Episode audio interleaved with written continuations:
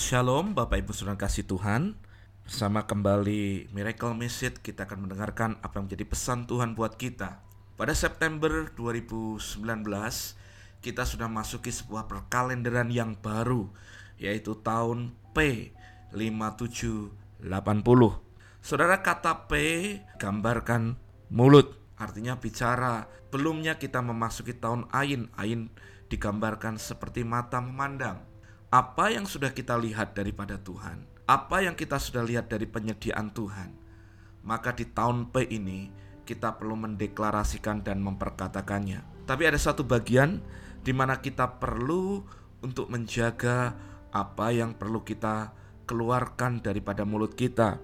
Firman Tuhan berkata, hidup dan mati dikuasai oleh lidah. Siapa suka menggemakannya akan makan buahnya.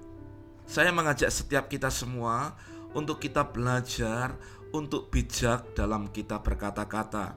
Tentunya apa yang kita perkatakan di dalam Matius juga dikatakan bahwa yang keluar dari mulut kita itulah yang menajiskan seseorang. Kita perlu untuk berpikir sebelum kita berkata-kata.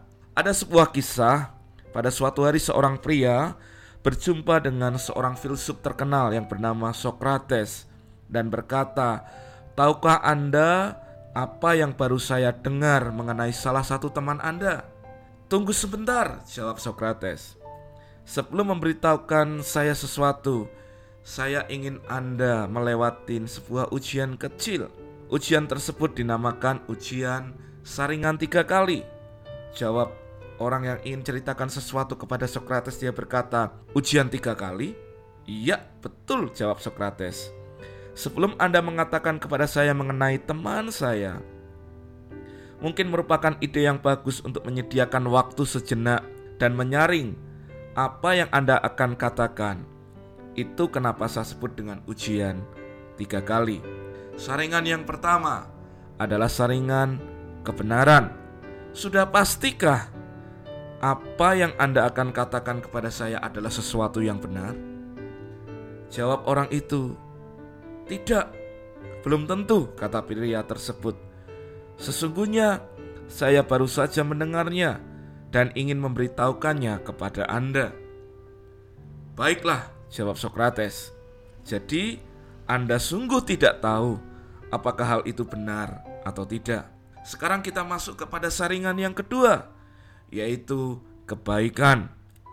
Apakah yang akan Anda katakan kepada saya mengenai teman saya adalah sesuatu yang baik, orang itu termenung sejenak dan berkata, "Tidak, justru sebaliknya, mengenai hal yang buruk." Jadi, lanjut Sokrates, "Anda ingin mengatakan kepada saya sesuatu yang buruk mengenai dia, tetapi Anda tidak yakin kalau itu benar." Sokrates melanjutkan, "Baik, Anda mungkin masih bisa melewati satu ujian lagi yaitu kegunaan atau faedah. Apakah yang Anda ingin katakan tersebut berfaedah buat saya atau berguna buat saya? Jawab orang tersebut, "Tidak. Sungguh tidak." Jawab pria tersebut. Kalau begitu, kesimpulan saya, apa yang Anda ceritakan itu belum tentu benar, tidak juga baik dan bahkan tidak berguna untuk saya. Kenapa Anda masih mau menceritakannya kepada saya, sahabatku? Renungan buat kita semua. Sebelum kita berkata-kata atau menceritakan sesuatu, kita perlu berpikir sebelum berbicara. Biarkan saringan kebenaran, saringan kebaikan, saringan kegunaan itu perlu kita renungkan dalam hidup kita Seringkali hubungan antara satu dengan yang lain rusak. Hubungan suami istri, orang tua anak, atasan dengan karyawannya, bos dengan karyawannya, bahkan manusia satu dengan yang lain rusak karena komunikasi yang terputus, bahkan komunikasi yang tidak imbang, karena sering kali kita tidak berpikir tentang apa yang kita sampaikan. Betullah Amsal berkata dalam Amsal 10 ayat 19, di dalam banyak bicara, pasti ada pelanggaran. Tetapi siapa menahan bibirnya berakal budi. Amsal ini berkata, jangan banyak omong. Kalau apa yang kita sampaikan belum tentu sesuatu yang benar, belum tentu baik, dan belum tentu berguna.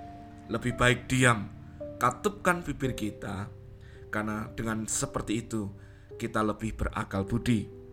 Amsal 17 ayat 27 Orang yang berpengetahuan menahan perkataannya. Orang yang berpengertian berkepala dingin. Maksudnya dari Amsal ini mau berkata buat kita Tahan perkataanmu. Susu di sana menunjukkan kebijaksanaanmu. Berpendidikanlah hidup kita. Saudara, di tahun P ini saya mengajak kita semua Mari renungkan apa yang hendak kita katakan Apa yang hendak kita sampaikan Jangan sampai setiap perkataan kita justru menyakitin orang lain, bahkan membuat orang lain tersinggung ataupun orang lain mundur daripada sesuatu yang baik yang seharusnya dialami. Biarkan kita menjadi orang yang terus memperkatakan kebaikan, menawarkan, bahkan membangkitkan semangat orang yang lemah. Kita menjadi orang-orang menjadi berkat bagi banyak orang lewat perkataan kita. God bless you all.